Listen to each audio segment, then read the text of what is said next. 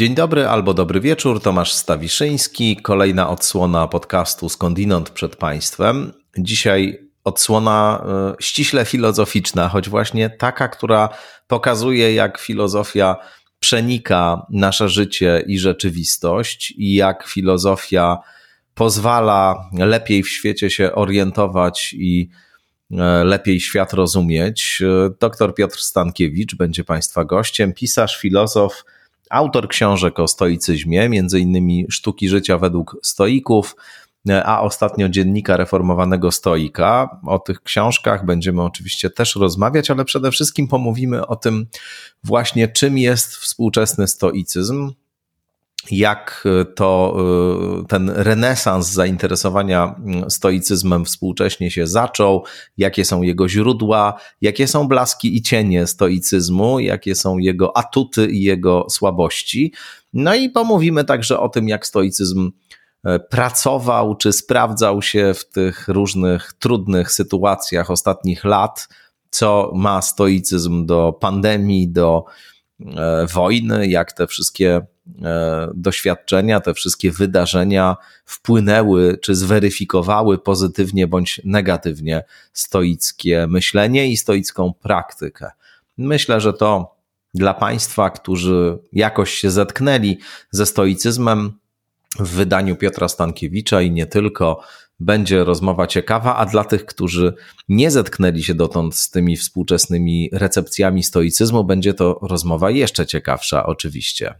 Dziękuję tradycyjnie patronkom, patronom, subskrybentkom, subskrybentom, firmie StrategyWise, ekspertom do spraw komunikacji za wsparcie na Patronite. No i oczywiście zapraszam teraz na rozmowę z Piotrem Stankiewiczem.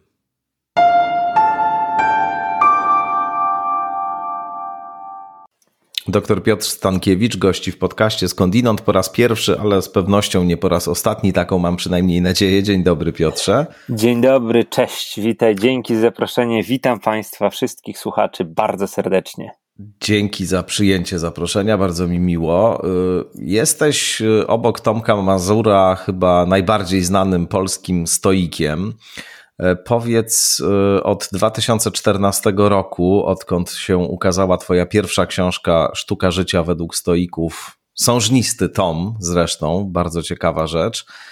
Wiele się w percepcji stoicyzmu w Polsce, czy w ogóle na świecie zmieniło, bo e, chyba jak wydawałeś tę książkę, no to jeszcze stoicyzm nie był, użyję tego słowa, wybacz, tak bardzo modny, czy może raczej należałoby powiedzieć tak bardzo obecny w przestrzeni informacyjnej, a w tych ostatnich latach mam wrażenie, że mnóstwo i książek, i jakichś postaci stoicyzm propagujących się pojawiło, no ale ty tu jesteś e, po stronie pionierów. Stąd pytanie o to, jak to na przestrzeni tych lat z twojej perspektywy wygląda. Tomku, Tomku, pierwsze pytanie, a tu można by już pół godziny mówić, bo tu przynajmniej trzy, trzy są różne rzeczy.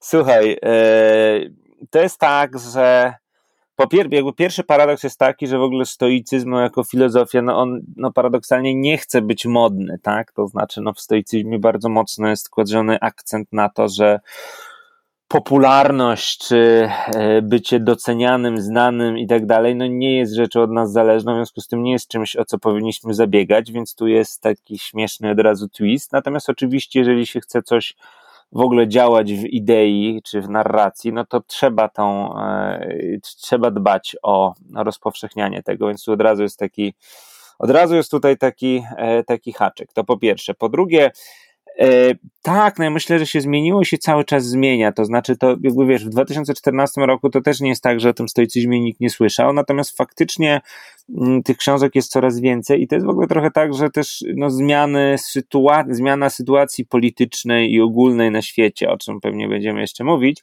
no też przypomina, jak bardzo ten stoicyzm jest potrzebny, tak? No bo stoicyzm co do zasady kojarzy się z czasami właśnie takimi, w których potrzebujemy jakiegoś wsparcia, w których jest niepewnie, niestabilnie i tak dalej, tak. Generalnie jest często kojarzony z odpowiedzią na trudności czy na problemy. Ja w swoim przekazie staram się pokazywać, że właśnie pełnej głębi stoicyzm nabiera wtedy, kiedy umiemy z niego korzystać, również wtedy, kiedy sprawy idą dobrze, tak? Znaczy, kiedy akurat nie ma COVID-u, wojny i tak dalej. E, natomiast e, faktycznie jest tak, że ludzie się do tego stoicyzmu coraz częściej zwracają.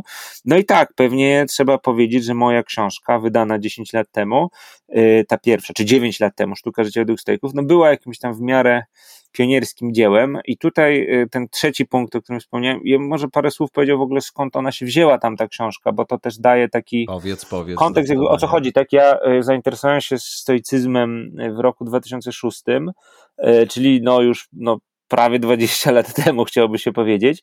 Natomiast e, studiując go, czy czytając jeszcze na takim wstępnym etapie, e, ja się bardzo szybko zorientowałem. Ale przepraszam, że tylko tak. takie małe dodatkowe pytanie. Czy zainteresowałeś się stoicyzmem czysto naukowo, że tak powiem, po prostu chodząc na jakieś zajęcia i czytając e, któregoś ze stoickich autorów i to cię jakoś zafrapowało, czy, czy jakaś inna tutaj jest Mam historia? piękną opowieść e, na ten temat, która ta opowieść będzie z jednej strony rozczarowująca może, bo nie wydarzyło się nic takiego przełomowego w moim życiu, co by sprawiło, że sięgnąłem do stoików. Natomiast jest to pewne dosyć konkretne story, więc może nie będzie tak rozczarowująco.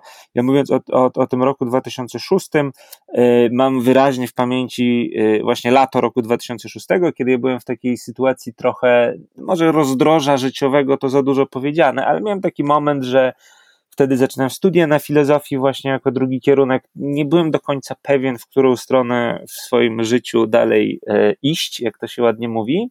E, I faktycznie to był taki wyjazd na Mazury na dwa tygodnie na, na, na jachty, na, na żagle, e, w czasie którym się, w czasie którego dużo się tam imprezowało, dużo się rzeczy robiło, ale ja się też zastanawiałem jakby, co właściwie dalej ja chcę robić, w którą stronę iść.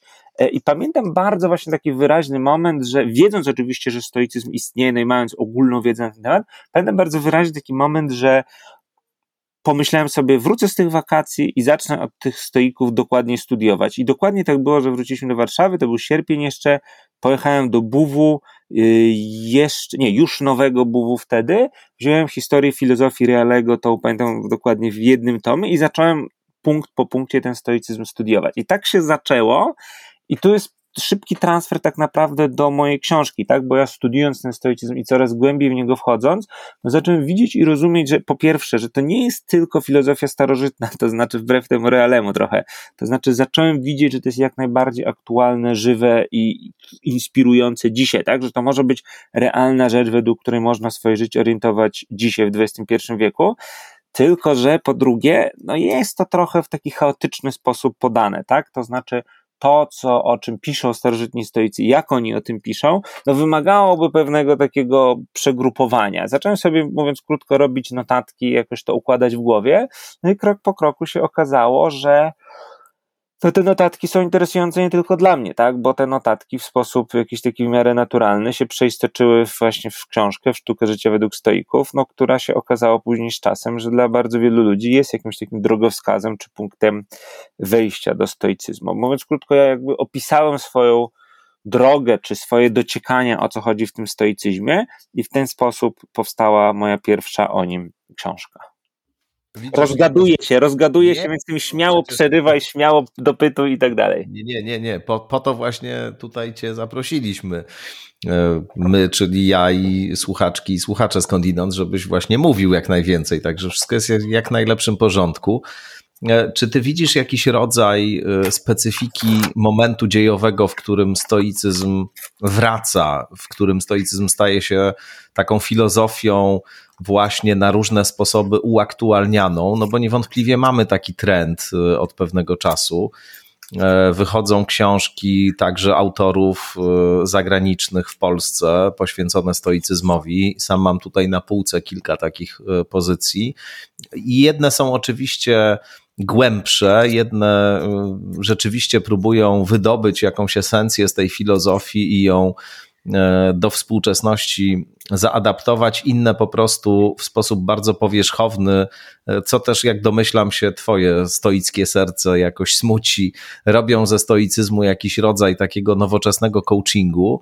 No ale faktem jest to, że, że ta filozofia w pewnym momencie mm, powróciła triumfalnie. Teraz widziałem jakieś mm, analogiczne próby e, takiego update'owania, mówiąc nowoczesną polszczyzną, Epikura i epikureizmu. Ostatnio cały numer miesięcznika Znak właśnie aktualności Epikura został poświęcony, no ale stoicyzm tutaj niewątpliwie ma palmę pierwszeństwa. Czy, czy coś takiego specyficznego jest w tamtym czasie, E, w którym te, te wszystkie e, książki zaczynają się pojawiać, te lektury zaczynają e, się, się pojawiać który, który jak, e, no nie wiem, który jak sądzisz, w jakiś sposób właśnie ten stoicyzm uczynił wyjątkowo atrakcyjnym dla, dla współczesnego człowieka. Zaprosiłeś filozofa, to odpowiem jak prawdziwy filozof, mianowicie i tak, i nie. No tak, I tak, oczywiście. i nie, bo z jednej strony, e, ale to, to, to nie, nie robię sobie tutaj żadnych dowcipów, naprawdę tak jest. Znaczy z jednej strony ten moment ostatnich lat, absolutnie nie jest wyjątkowy, bo stoicyzm wraca, w zasadzie można powiedzieć, że wraca od od czasów renesansu, tak, czyli ostatnie w zasadzie 500 lat.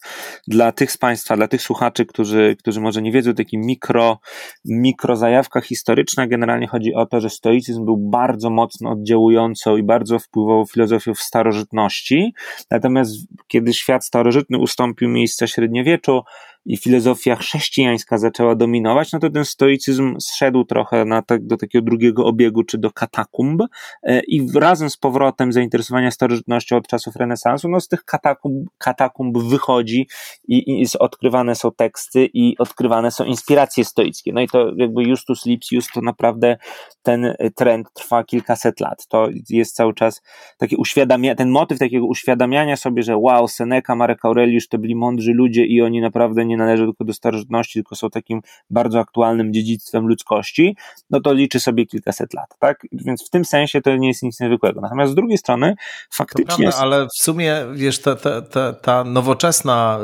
y, kultura, późna nowoczesność, jeśli można tak powiedzieć, od lat 60. Tak fascynuje się różnymi nurtami psychoterapeutycznymi, e, kulturą wschodu, tak technikami rozwojowymi. No i jednak w pewnym momencie ten stoicyzm i tutaj tak na tej jest. arenie się specyficznie pojawił. Tak jest. I to jest ta druga część odpowiedzi na pytania. W tym sensie te ostatnie kilkadziesiąt lat jest jak najbardziej, najbardziej specyficzne. Ty mówisz, że od lat 60., czy ostatnie 50, 60 już w zasadzie lat, i to niewątpliwie też jest e, jakiś taki e, zakres czasowy. Mówisz o filozofiach wschodu, mówisz o e, rozwoju, o nie wiem, zainteresowaniu buddyzmem. Jak najbardziej stoicyzm, czy to falę zainteresowania można, można określić jako taką właśnie zachodnią alternatywę dla tych wschodnich alternatyw, coś takiego tak? Czyli, że stoicyzm jest trochę jak buddyzm, tylko tutaj ściśle z, z tradycji zachodniej, ale jeszcze bardziej tak naprawdę można by do zawęzić do ostatnich no 25 czy wręcz nawet 10 lat i to już zachodzą te zjawiska, o których mówisz, tak? To znaczy, że zachodzi jakieś takie upopowienie tego, nie upupienie, proszę nie mylić, tylko upopowienie tego stoicyzmu, czyli właśnie wychodzą takie książki, które no, o tych stoikach piszą w takim duchu właśnie rozwoju osobistego i takiego pop, e, Y, takiego pop klimatu. Y, z drugiej strony, no, powiedziałem, w 25 latach, to jest, to jest książka e, Laurensa Beckera, New Stoicism, wydana w 98, która jest taką teoretyczną, bardzo ważną podwaliną pod to wszystko, co się dzieje e, w stoicyzmie ostatnio, więc tak, no niewątpliwie to zainteresowanie teraz jest. E, no i cóż, jeżeli chodzi o te próby właśnie stoicyzmu w wersji pop, no to jest bardzo delikatna sprawa, bo z jednej strony to cieszy i to jest fajne, no z drugiej strony mam wrażenie, że czegoś oczywiście zawsze w tym brakuje, tak? To znaczy, że nadmierne upraszczanie y, stoicyzmu i jakby tracenie jego specyfiki, no też nie jest do końca tym, o co chodzi. Chociaż oczywiście, no niektórzy powiedzą, że ja również o tym stoicyzmie opowiadam w bardzo, mm, w bardzo specyficzny sposób, tak? Więc to jest tego typu E, to jest, to jest oczywiście tego typu sytuacja. Natomiast y, tak, no stoicyzm niewątpliwie ma ten wymiar właśnie taki rozwojowo-diagnostyczny, y, no, który dzisiaj bywa wykorzystywany no, nie zawsze w pogłębiony sposób. Ale masz jakąś koncepcję dotyczącą tego, Dlaczego stoicyzm się znowu staje atrakcyjny? Czy to jest kwestia, nie wiem, zmęczenia tymi różnymi narracjami popterapeutycznymi, y, filozofią wschodu, poczuciem, że to wszystko się jednak bardzo skomercjalizowało? Czy może to jest taka moja mikroosobista teoria dotycząca tego? Mamy jednak do czynienia z takim osłabianiem się poczucia osobistego sprawstwa w kręgu zachodniej kultury. Myślę, że te lata zresztą, powiedzmy, no, następujące niedługo po Twojej e, pierwszej książce, znaczy te, te lata poprzedzające Twoją pierwszą książkę, te, te lata tak mniej więcej e, od kryzysu finansowego poczynając, to są lata E, to są lata, e, kiedy jednak e, nasze poczucie podmiotowości, sprawstwa bardzo słabnie. Te narracje kulturowe, wywodzące się z tej tradycji rozwojowej, wciąż prezentują podejście kultu, efektywności, decyzyjności i sprawstwa, podczas gdy jednak mamy poczucie, że, że w dużym stopniu świat funkcjonuje w dużej niezależności od nas i naszych fantazji pełnej sprawczości. E, I stoicyzm przychodzi jako taka diagnoza rzeczywistości, która w ogóle uwzględnia ten wymiar, która tak. mówi tak, są pewne aspekty świata, które od ciebie nie zależą, to jest naturalne, nie musisz się szamotać i udawać, że e, możesz wszystko, bo wielu rzeczy nie możesz. I to jest taki jakiś kompres e, z realizmu, mam wrażenie, w, w, tym, w, tym, w tym z jednej strony właśnie bardzo skomplikowanym świecie, w którym niewiele E, w pewnym momencie się okazuje, że, że możemy zrobić, a z drugiej strony w tej kulturze, która nas nieustannie wpycha w tą opowieść o tym, że człowiek jest stuprocentowym kowalem własnego losu. Tomku, myślę, że bardzo dobrze odpowiedziałeś na własne pytanie. Dokładnie tak jest. Myślę, że to jest dobry, dobra diagnoza. Ja bym to może jeszcze ten czas, bo tak zaczęliśmy od starożytności, później jakby zawężaliśmy to, ja bym to może jeszcze bardziej zawęził, tak? To nawet nie ostatnie 15 lat, czyli od kryzysu finansowego, tylko ostatnie dosłownie 3 lata, czyli lata już 20 XXI wieku, w których mieliśmy. Och, to na pewno. No prawda, to już, to, już, to, już nawet, to już nawet może lepiej nie wyliczać, co mieliśmy, tak? Bo, bo yy, zaczęło się od RODO, a później zaraz przed COVID, a później przyszedł, przyszła pandemia, COVID, pandemia, yy, co dalej? Wojna, inflacja, no bardzo się to, to, to doświadczenie, o którym mówisz, się tak super zintensyfikowało w ostatnich trzech e, latach. I tak, niewątpliwie stoicyzm no, w takich sytuacjach nabiera swojej pełnej mocy i pełnej takiej e, jakby siły przekonywania, dlatego że z jednej strony stoicyzm oczywiście można, jak ktoś chce, to może go postawić na półce z różnymi tam prądami i filozofami yy, i różnymi takimi, wiesz, coacherskimi, rozwojowymi klimatami, natomiast z drugiej strony się tak wyróżnia, tak? Po pierwsze się wyróżnia dlatego, że stoicyzm nie mówi ci, że możesz wszystko, a to i to jest fundamentalna i podstawowa różnica, tak? Różnej maści właśnie coachowie czy, czy smutni trenerzy rozwoju osobistego, no często będą właśnie prezentować y, linię taką, no dosyć, czy dosyć no, bardzo naiwną, polegającą na tym, że będą mówić, że możesz wszystko, tak jak się odpowiednio zmotywujesz, jak odpowiednio wcześnie rano wstaniesz, jak będziesz odpowiednio 16 godzin na dobę pracował i tak dalej, i tak dalej, no to wtedy wszystko w życiu osiągniesz, co tylko chcesz, bo niemożliwe nie istnieje, etc., etc stoicyzm, zwróć uwagę, że no, robi coś dokładnie odwrotnego. Stoicyzm mówi, że no, ogromna większość, przytłaczająca większość rzeczy w życiu no, jest od nas niezależna. Zależy od nas tylko bardzo wąski zbiór rzeczy związany z tym, jakie wartości sobie definiujemy, jakie cele stawiamy i przede wszystkim e, jaki charakter chcemy, znaczy jak kształtujemy swój charakter oraz jakie jakie wyobrażenia czy jakie narracje e, mamy w głowie i staramy się ich trzymać. Tych rzeczy jest bardzo niedużo i na nich się powinniśmy skupić, tak? Czyli jakby ten punkt wyjścia jest zupełnie odwrotny. W stoicyzmie właśnie ten wpływ na rzeczywistość uzyskujemy poprzez to, że sobie uświadamiamy, no mówiąc przewrotnie, że tego wpływu mamy bardzo mało. To nie jest to nie jest żadna afirmacja, to nie jest żadne stwierdzenie, że możesz wszystko, tak? Więc to jest jakby fundamentalna i duża różnica. To jest, to jest, jed, to jest jedna sprawa.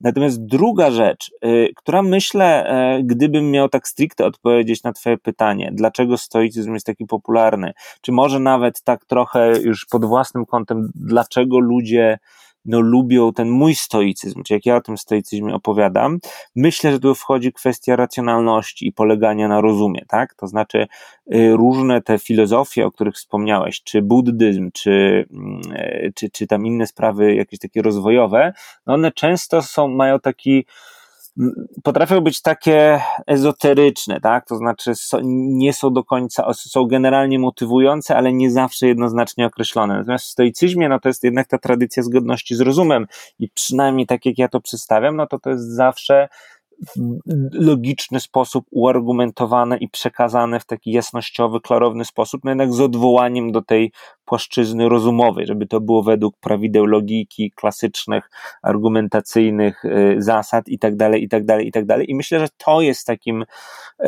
no mówiąc ładną polszczyzną, tak jak ty, że to jest takim selling pointem tego, y, tego dzisiejszego stoicyzmu, przynajmniej tak jak ja go, tak jak ja go widzę. Także jakby w tym świecie, w którym wszystko, dużo rzeczy się sypie, dużo rzeczy się stało niepewnych, z jednej strony widzimy, że no, rozum zawodzi, mówiąc Herbertem, a z drugiej strony no, nie mamy nic innego niż rozum i y, lubimy do niego, do niego uciekać, tak? I dlatego właśnie stoicyzm.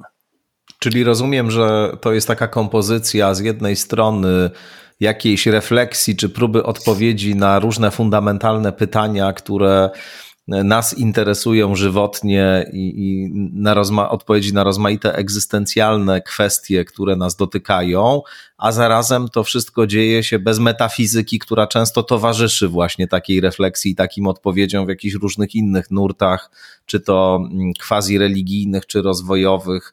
Tutaj tego nie ma, to jest jakby od tego wolne i to też jest dla współczesnego człowieka, który często bez tych kontekstów funkcjonuje atrakcyjne. A to ciekawe, poczekaj, bo to, to jest ciekawy moment tej rozmowy. Ty byś powiedział, że ten stoicyzm funkcjonuje bez metafizyki właśnie? No właśnie o to, o to chciałbym cię zapytać. Jak ty to widzisz? To, czy, czy to tak jest? Bo tak zrozumiałem trochę to, co teraz powiedziałeś.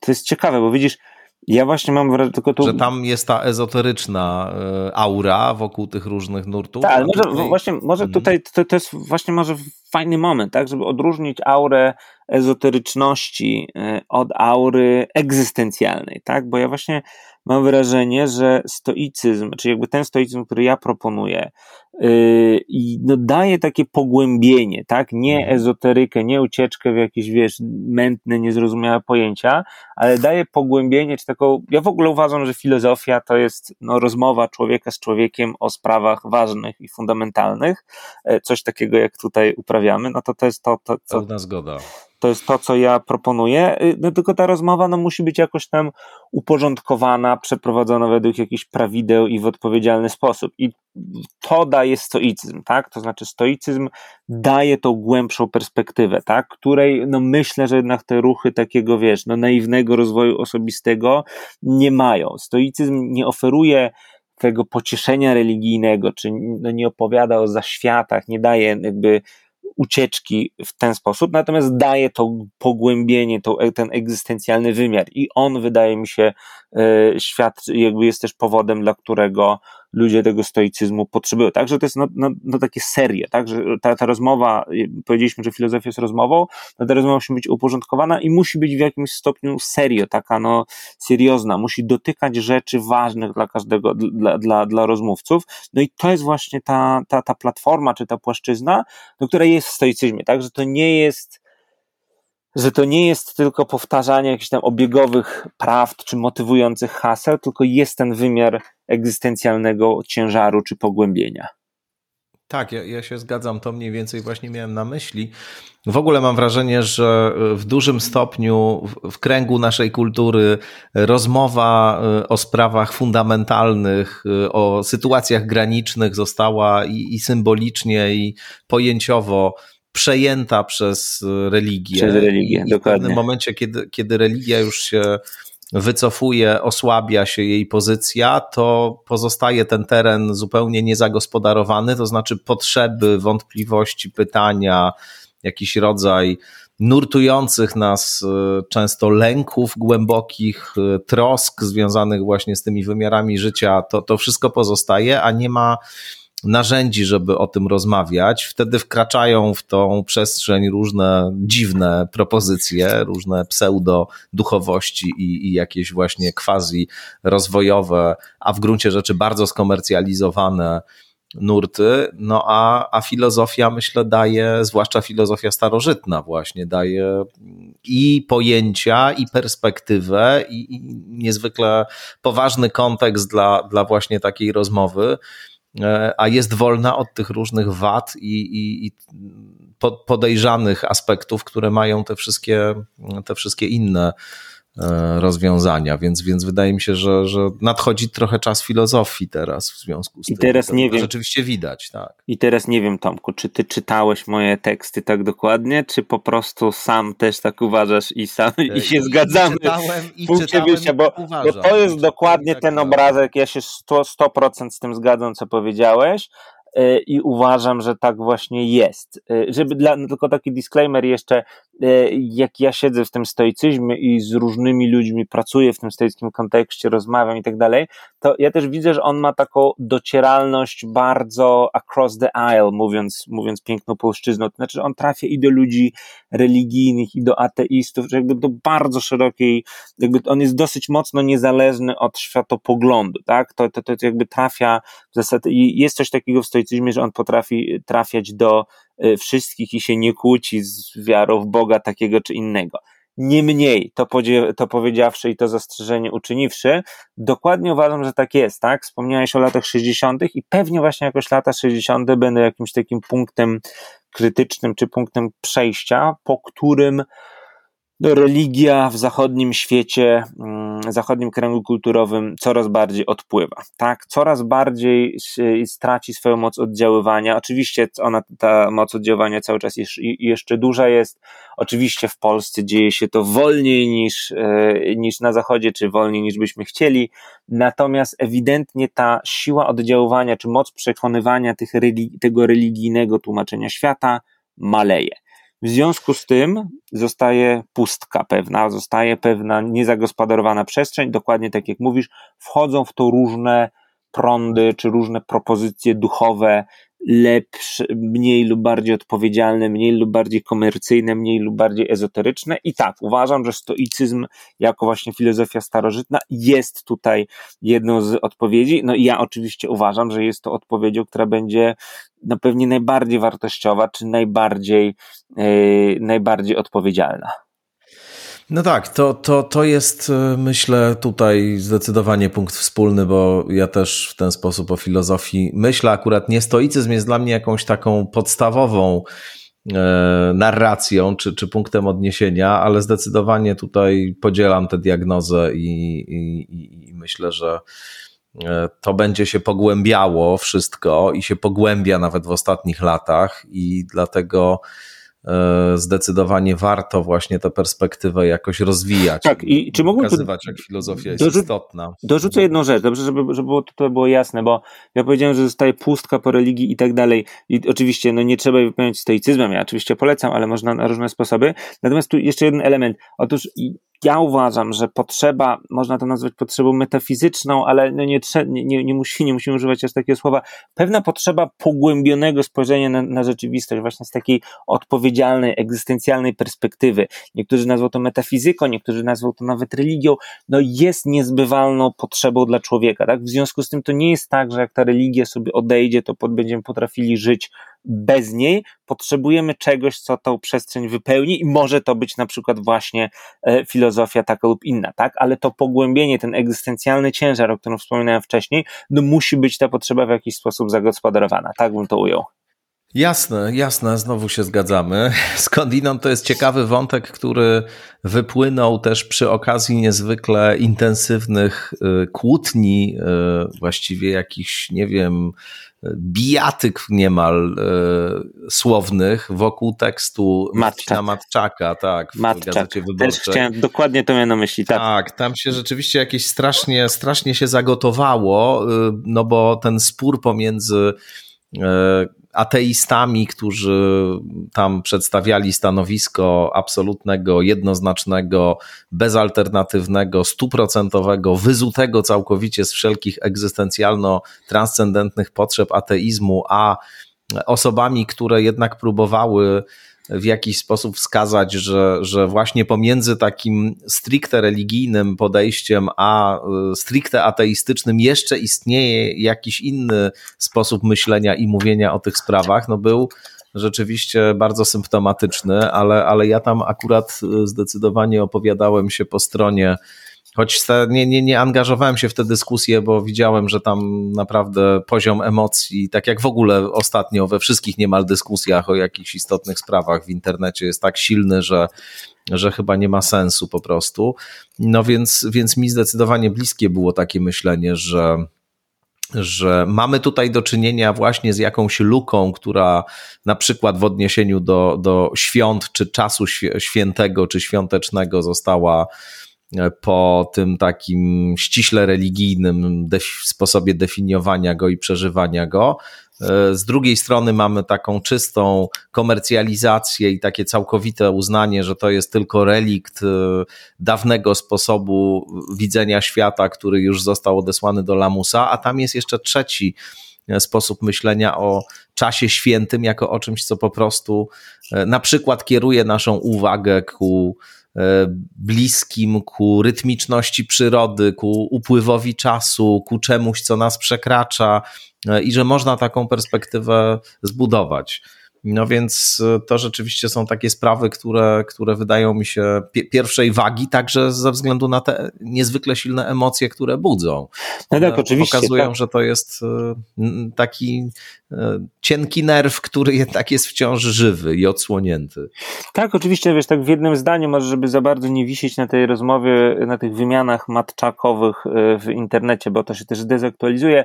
E, ja czytałem piękną odpowiedź na ten tekst profesora Matczaka, który no właśnie mocno się opowiadał przy takiej ultratradycyjnej wizji świąt katolicko, świąt katolickich, świąt Bożego Narodzenia. Odpowiedź Jacka Denela, która która tak bardzo trafnie punkt po punkcie no jakby przedstawia to właśnie wizję świecką, ateistyczną i tutaj byśmy powiedzieli tam, że wyzutą z, z wartości religijnych. Natomiast oczywiście to jest spór polityczno czy publicystyczny, natomiast no tu Jacek Denel, czyli pisarz, poeta, no jak najbardziej jest człowiekiem, który przecież e, robi czy działa właśnie w tej przestrzeni duchowej i w tej przestrzeni potrzeb egzystencjalnych. Tak więc chodzi po prostu o prze, prze, nie, przeniesienie ciężaru nie na jakoś wulgarny, nie na jakiś wulgarny materializm czy konsumpcjonizm, tylko właśnie na przestrzeń spełnienia duchowego i poszukiwań egzystencjalnych, jednak wolnych od jakby tyranii czy dominacji e, religii jednej czy, czy drugiej. W ten sposób. Tak? Chodzi o właśnie uwolnienie tej przestrzeni, żeby można było zagospodarowywać na, e, na różne sposoby własne. Mnie tam, e, to już ostatnie zdanie, czy ostatnia uwaga, najbardziej tekst Piotra Augustyniaka, właściwie dwa teksty Piotra Augustyniaka przypadły do gustu, który właśnie pomiędzy Scyllą Matczaka a Charybdą Denela próbował E, manewrować. I, i ta, ta perspektywa mi się wydała bardzo ciekawa, to znaczy taka właśnie, która w zasadzie jakby e, podobna jest do tej, którą my tu budujemy, która powiada, no tak, nie ma już tej e, aktywnej, religijnej symboliki, która by nam te sprawy jakoś tłumaczyła, czy która by do nas przemawiała. Przynajmniej dla części z nas już jej nie ma. Ona, tak. jest, ona, ona, ona jakoś już odeszła w przeszłość. Z drugiej strony jednak nie chcemy tak się całkiem E, ze wszystkich e, aspektów tego e, świętowania wyzuć. No więc mamy na przykład właśnie perspektywę myślenia filozoficznego, które potrafi nam odsłonić coś w tym doświadczeniu takiego, co już nie jest religijne, ale jeszcze nie jest takie całkowicie sprowadzone do gry materii i ślepych praw fizyki. No i to akurat wydawało mi się Słuchaj, ciekawe. Tak, generalnie chodzi o to, że właśnie jakby cała ta rozmowa też nasza pokazuje, że no, jesteśmy kulturowo w miejscu, w którym jednak skojarzenie y, z czymkolwiek egzystencjalnym czy duchowym no, jest bardzo silnie religijne. Tak? I chodzi właśnie o to, że, tu, że jest taki moment kulturowy, żeby pokazać, że to nie musi być konkretnie stricte religijne. Tak? Czyli że te potrzeby metafizyczne, egzystencjalne mogą być spełniane w sposób również niereligijny, czyli w moim na przykład wypadku stoicki. Pięknie to podsumowałeś. Mm, słuchaj, dużo powiedzieliśmy e, dobrego e, i takiego konstruktywnego o stoicyzmie, to, to chciałbym Cię zapytać o jedną e, kwestię, która często bywa jako zarzut podnoszona w odniesieniu właśnie do tych nowoczesnych aplikacji stoicyzmu, jak ty się do tego odnosisz. Przyznam, że ja mam wrażenie, że rzeczywiście w odniesieniu na, na pewno do tych różnych takich bardzo popowych y, adaptacji stoicyzmu jest to zarzut y, w jakiś sposób trafny, ale y, z pewnością nie w odniesieniu do tych, które mm, no właśnie wychodzą od głębokiej znajomości stoicyzmu starożytnego i próbują w jakiś sposób przyglądać się temu, jak ta filozofia pracuje we współczesności, ale mimo wszystko jest to jakaś myśl, która, która tutaj się y, pojawia, jest jakoś y, a propos, więc warto się z nią skonfrontować. Chodzi mi o ten zarzut, czy o tą konstatację, że to jest coś takiego, co w gruncie rzeczy jest pewną filozofią taką e, indywidualistyczną bardzo, prywatyzującą pewne kwestie i e, no, sprawiającą, że człowiek e, popada w pewien rodzaj politycznej atrofii, to znaczy, że właśnie przybiera taką postawę, no, że pewne rzeczy są po prostu niezależne, więc nie warto się nimi w ogóle zajmować. Ja tutaj będę swój ogródek uprawiał, no bo na ten swój ogródek mam wpływ, a cała reszta to niech się toczy swoimi sprawami, więc ja się do tego nie będę mieszał. To zwłaszcza w takiej dzisiejszej z kolei epoce, w której e, aktywizm jest e, figurą e, podstawowego zaangażowania w sprawy tego świata. Wydaje mi się zarzut jakoś często się pojawiający właśnie w odniesieniu do, do stoicyzmu. Co, co ty na to? Słuchaj, fantastyczne pytanie. Odpowiem w trzech punktach o takich wstępowych, a później miąż tego, co tutaj mam do, tobie do odpowiedzenia.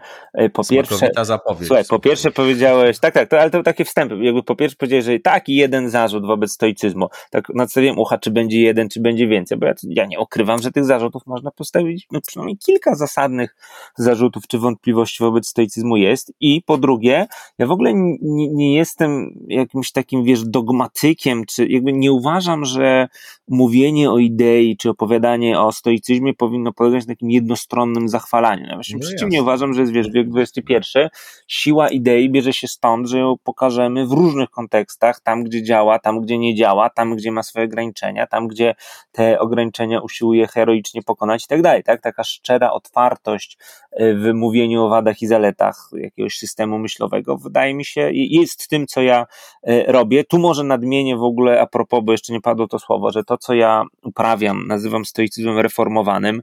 Moja nowa książka a propos Dziennik Reformowanego Stoika, y, polecam, kto, kto się jeszcze nie zetknął, no jest tym, dokładnie tym, tak, jest taką próbą analizowania tego stoicyzmu z różnych stron, od, od, od, od jego mocnych do słabych, od plusów do minusów w bardzo różnych kontekstach, w tym ko, y, kontekstach takich politycznych czy, czy społecznych. I tutaj przechodząc do mm, już bezpośrednio do Twojego pytania, oczywiście taki zarzut bywa stawiany, natomiast ja uważam, że on bierze się z pewnego no, nieporozumienia trochę, czy pewnego takiego zafałszowania, czy niezrozumienia e, istoty stoicyzmu. Powiedziałeś o uprawianiu swojego ogródka, czy, więc ogród, ogródek, no to epikurejczycy, czyli filozofowie ogrodu, byli tymi filozofami starożytnymi, którzy zalecali właśnie odcięcie się od świata społecznego, politycznego. Przypomnę, lat Hebiosas, czyli żyj w ukryciu, jakby grupa przyjaciół, ogród, winko, chlebek, posiedzieć na słońcu i pogawędzić. To był ten epikurejski ideał niezaangażowania. W stoicyzmie właśnie ideał jak najbardziej funkcjonowania jako część społeczeństwa, tak? No, w stoicyzmie jest ten mocny... Oczywiście współcześni, przepraszam, jedno tak. zdanie tylko, bo jestem świeżo po lekturze kilkunastu właściwie tekstów poświęconych Epikuro, epikurowi. Mhm. epikureizmu, tak? No to oni by się tutaj nie zgodzili absolutnie, że o to chodziło. Okay, Mają tak. właśnie takie widzenie, tak. że przeciwnie, to jest filozofia na nasze czasy, bo i e, pewna troska o siebie i e, sprawy istotne, ale to oczywiście jest wszystko na inną rozmowę. Tak, to jest trochę na inną rozmowę, no jakby oczywiście troska o siebie w, w epikureizmie tak, natomiast no oni, ten wyraz odcięcia, jakby gdybyśmy się przes gdybyśmy przeskoczyli do starożytności teraz, no to ewidentnie jako ci od yy, jakby odspołeczni, nieangażujący się byli, postrzyga, byli postrzegani epikurejczycy, tak, nawet był, ten, nawet był ten argument, że nie dałoby się wyobrazić całego miasta złożonego z epikurejczyków, no bo nikt by nie pracował na rzecz dobra wspólnego, nikt by tam nie, nie służył w urzędach cywilnych, tylko każdy by sobie w oddzielnym pokoju czy w oddzielnym ogrodzie siedział, tak?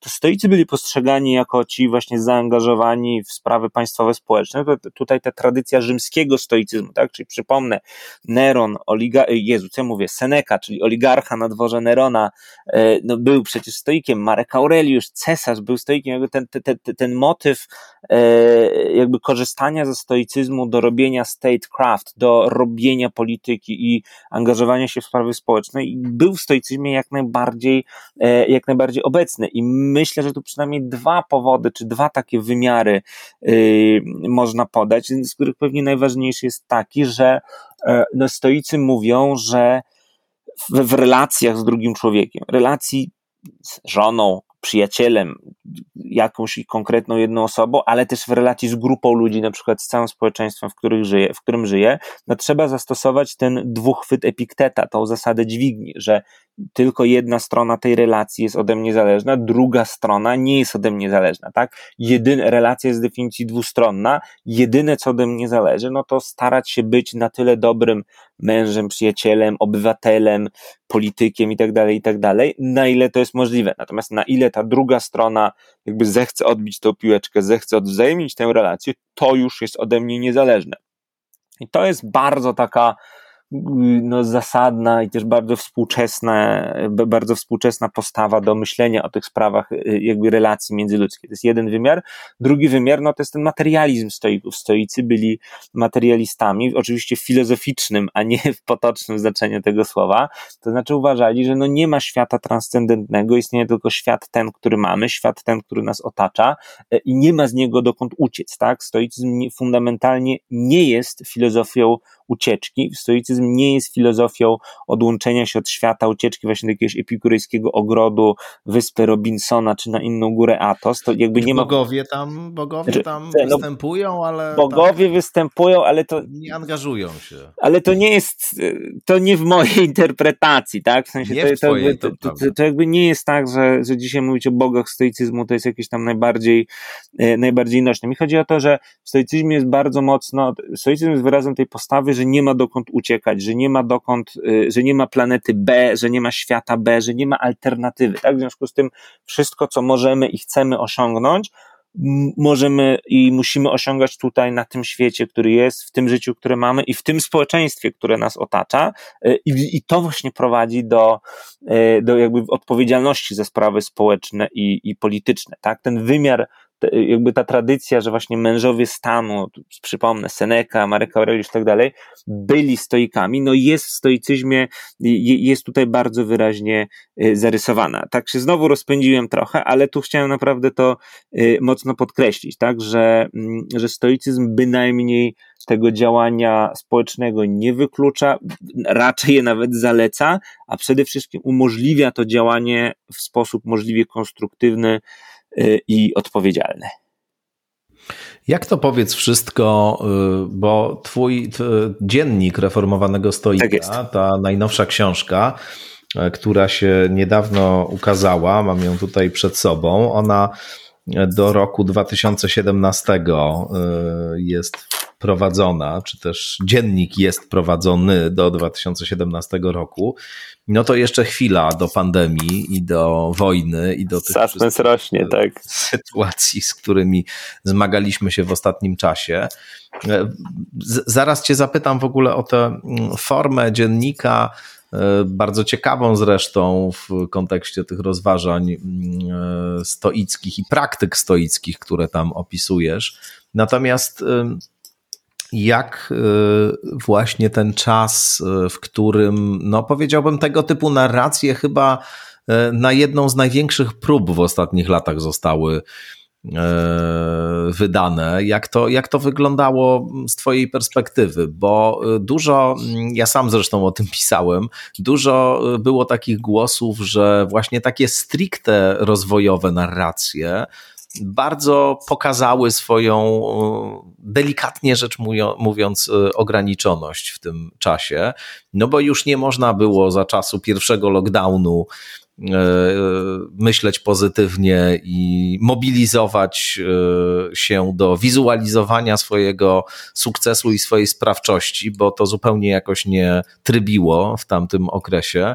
Generalnie rzeczywistość została unieruchomiona E, I no, w zasadzie jakby można było naprawdę doświadczyć tego, że taka ściśle indywidualistyczna perspektywa w patrzeniu na e, sprawy ludzkie jest e, no właśnie pewną iluzją, która uchodzi w określonym kontekście kulturowo-społecznym, a w momencie, kiedy ten kontekst się zmienia, no to okazuje się, jak bardzo my jesteśmy w gruncie rzeczy wszyscy od siebie nawzajem zależni, od bardzo prostych takich sieci wymiany dóbr czy, czy pewnej obsługi e, zależymy i, i nagle się okazało, że to e, panie w sklepie i, i czy, czy panowie w sklepie i kurierzy, kurierki e, i pracowniczki i pracownicy służby zdrowia etc., etc. To są ludzie, którzy stanowią pewien krwiobieg e, społeczny. Bez nich to wszystko nie istnieje tak naprawdę. Bez nich pogrążylibyśmy się w anarchii,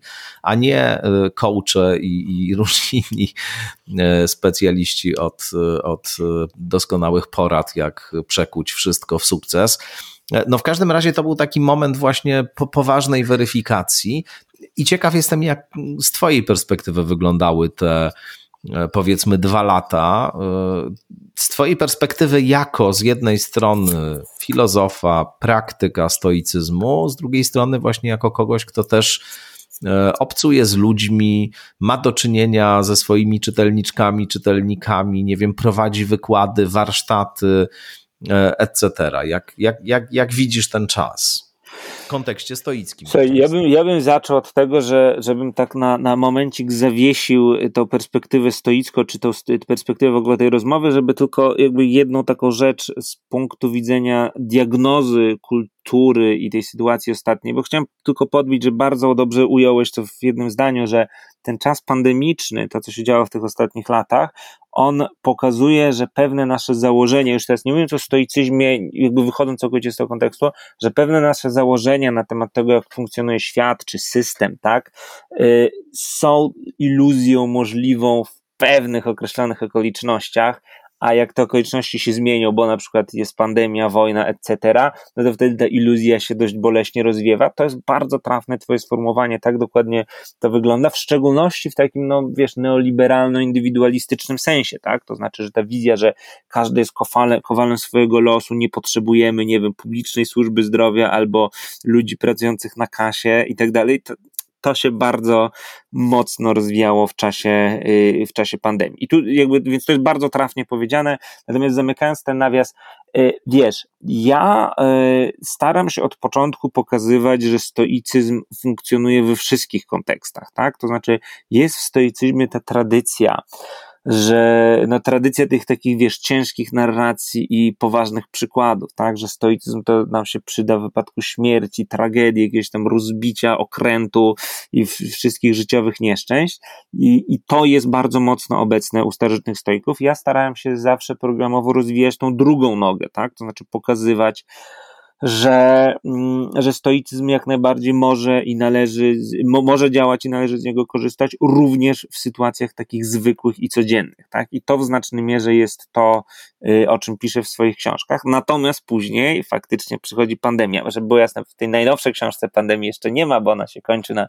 17 roku. Natomiast faktycznie później przychodzi pandemia, no i się okazuje, że, znaczy w moim doświadczeniu okazuje się, i tak jak rozmawiam z ludźmi, no okazuje się, się, się, się, się wtedy, że że stoicyzm właśnie wtedy działa, tak? Znaczy, że właśnie ta różnica między e, takim naiwnym kołczyzmem, którym wszystko możesz, wszystko zależy od ciebie i tak dalej, i tak dalej, a stoicyzmem, w którym jednak w punkcie wyjścia masz tą świadomość własnych ograniczeń, tą świadomość, że los i cały świat zewnętrzny jest ponad tobą i niezależny od ciebie, no właśnie w pandemii wyszła najmocniej na jaw, tak? I myślę, że, tu, że, że to trochę no, oddzieliło ziarno od plew, tak? I pokazało, że dlaczego właśnie potrzebne są, potrzebne jest myślenie z tym, podgleb, z tym takim podglebiem e, filozoficznym. Tak ja bym to, e, te, te, tak ja bym to ujął, tak? Że, że właśnie to pokazało moc tego stoicyzmu, a nie jego, a nie jego słabość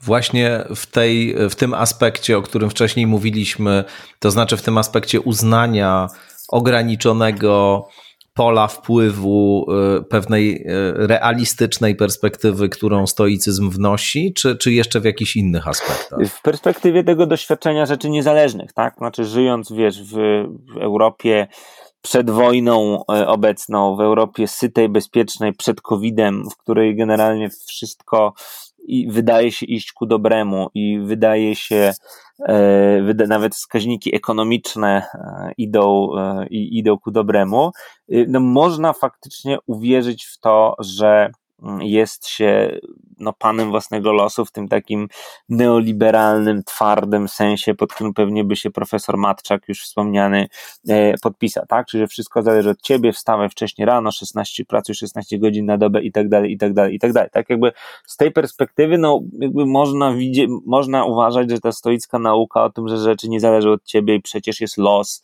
przecież są zdarzenia, których nie kontrolujesz, no, że jest jakimś takim pesymizmem, czy jakimś takim, no, no wiesz, e, jakimś takim czarnowictwem. No, ale później przychodzi pandemia, przychodzi wojna, przychodzi inflacja, wszystko nagle staje, e, staje dęba i wtedy się okazuje, że stoicy wcale nie, że jakby stoicy wcale nie są pesymistami, że wcale nie są jakimiś czarnowidzącymi osobami, tylko oni właśnie tą część, niezbywalną część ludzkiego doświadczenia, którą właśnie jest ta nieprzewidywalność świata i losu, oni po prostu z założenia włączają w, w, ten rachunek w punkcie wyjścia. Użyłeś słowa realizm i w tym sensie jak najbardziej, tak? No, to jest filozofia realistyczna. Marek Aureliusz mówi non-stop o tym, że trzeba żyć zgodnie z naturą. No, życie zgodnie z naturą jest życiem realistycznym, tak jakby zgodnym z tym, co jest i w kontekście takim, jakim on jest naprawdę. No, obecnie tym kontekstem jest to, co jest i, do te, i, i, i w tym stoicy dają przestrzeń, żeby dobrze funkcjonować. Na tyle, na ile to możliwe.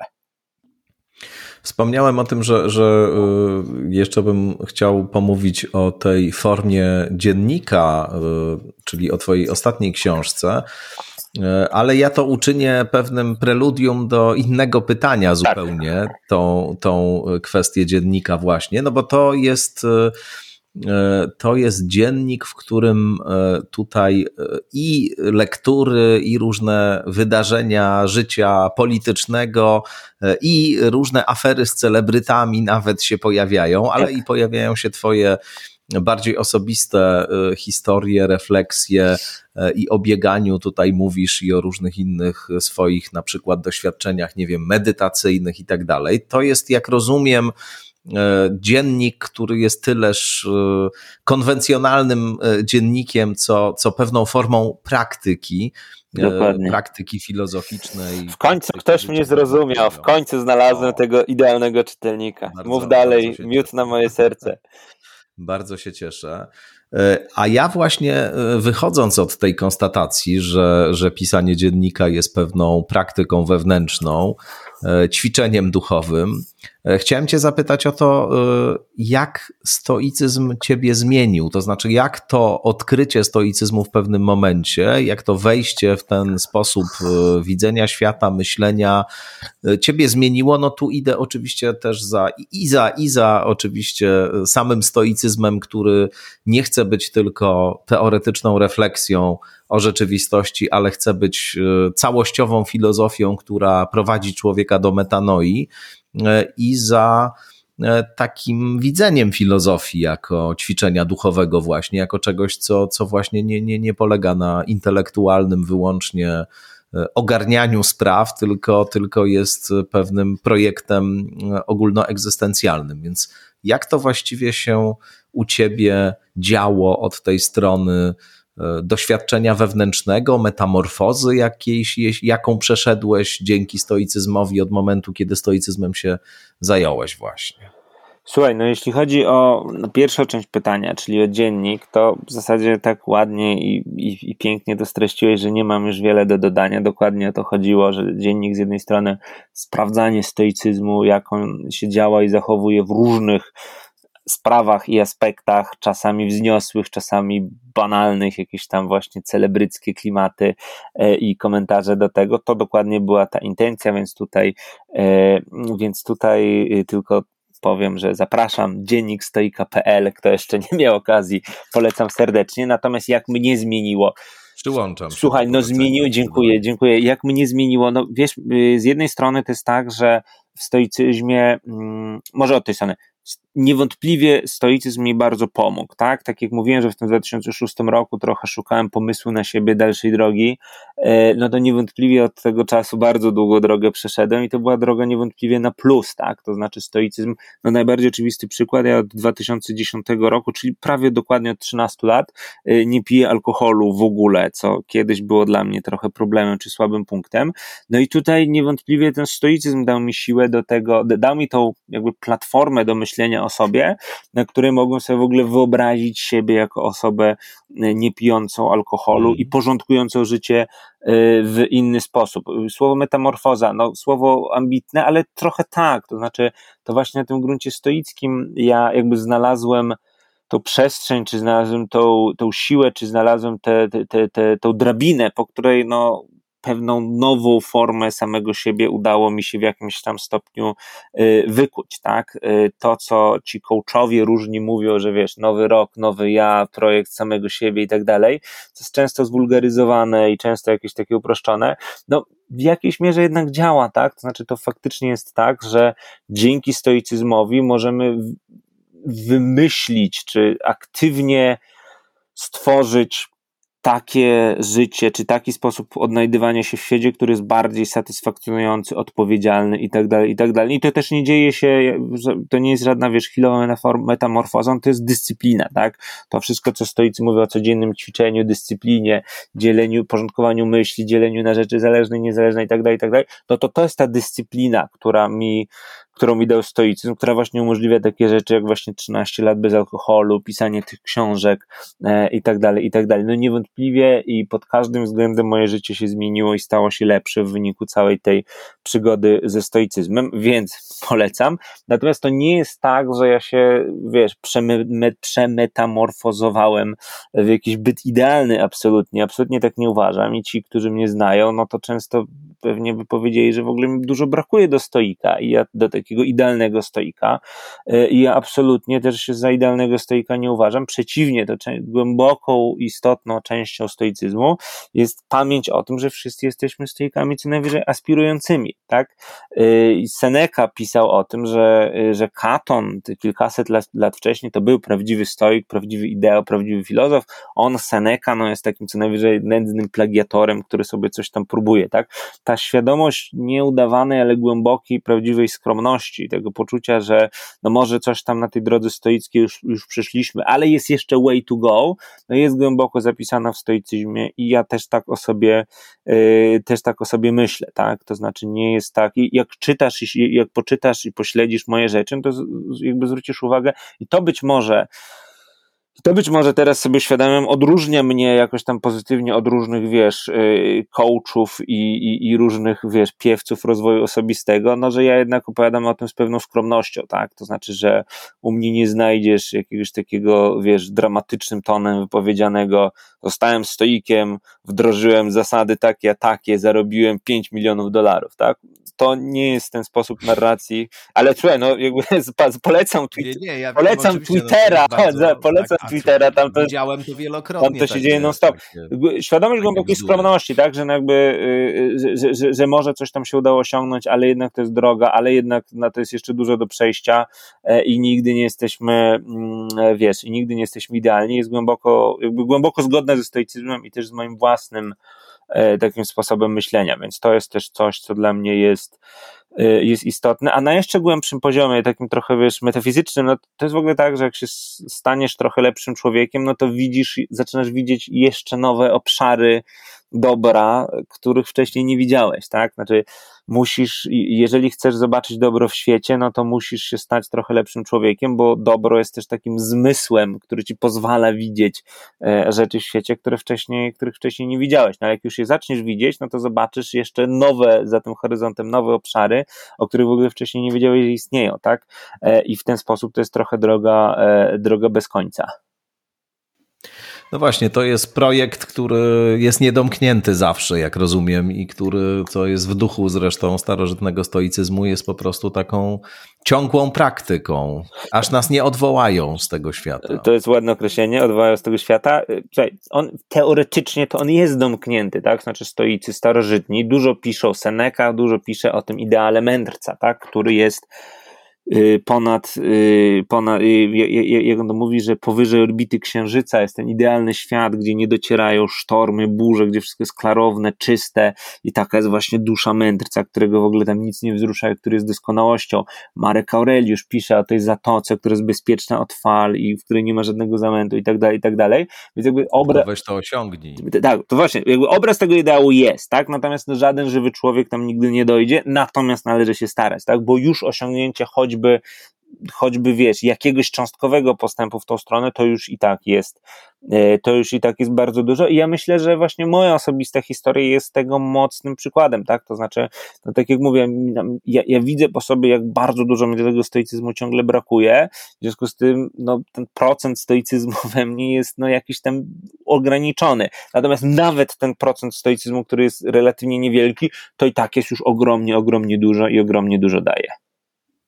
Czy kolejne lata y, dziennikowe będziesz publikował? To jest y, tylko początek jakiejś serii dzienników, czy y, to jednorazowa publikacja? Słuchaj, no zbudowałeś suspens, no to pewnie, pewnie powiem, że, że tak, że chciałbym, żeby to później szło też w te lata pandemiczne i dalej. Natomiast, e, czyli że chciałbym, żeby były kolejne tomy, natomiast tutaj tak powiem po stoicku, tak, no fate permitting, tak, to zakładając, że E, że świat się nie skończy, że będę miał na to siłę, że, że, że wszystko będzie jakoś tam w miarę dobrze funkcjonować, no bo nigdy nie możemy być tego pewni. Natomiast tak, pewnie taki byłby plan. To bardzo serdecznie Ci życzę wobec tego realizacji tego planu i zachęcam też Państwa do sięgnięcia nie tylko po dziennik reformowanego stoika, czyli ostatnią książkę Piotra Stankiewicza, ale też po e, inne jego książki. E, jeszcze raz, jakbyś mógł podać stronę internetową, na której możemy. Tak, absolutnie. Nie jest jakaś zaskakująca. piotrstankiewicz.pl. Zapraszam serdecznie. Tam wyskakuje też okienko, że można się zapisać na e, newsletter stoicki, który polecam też serdecznie.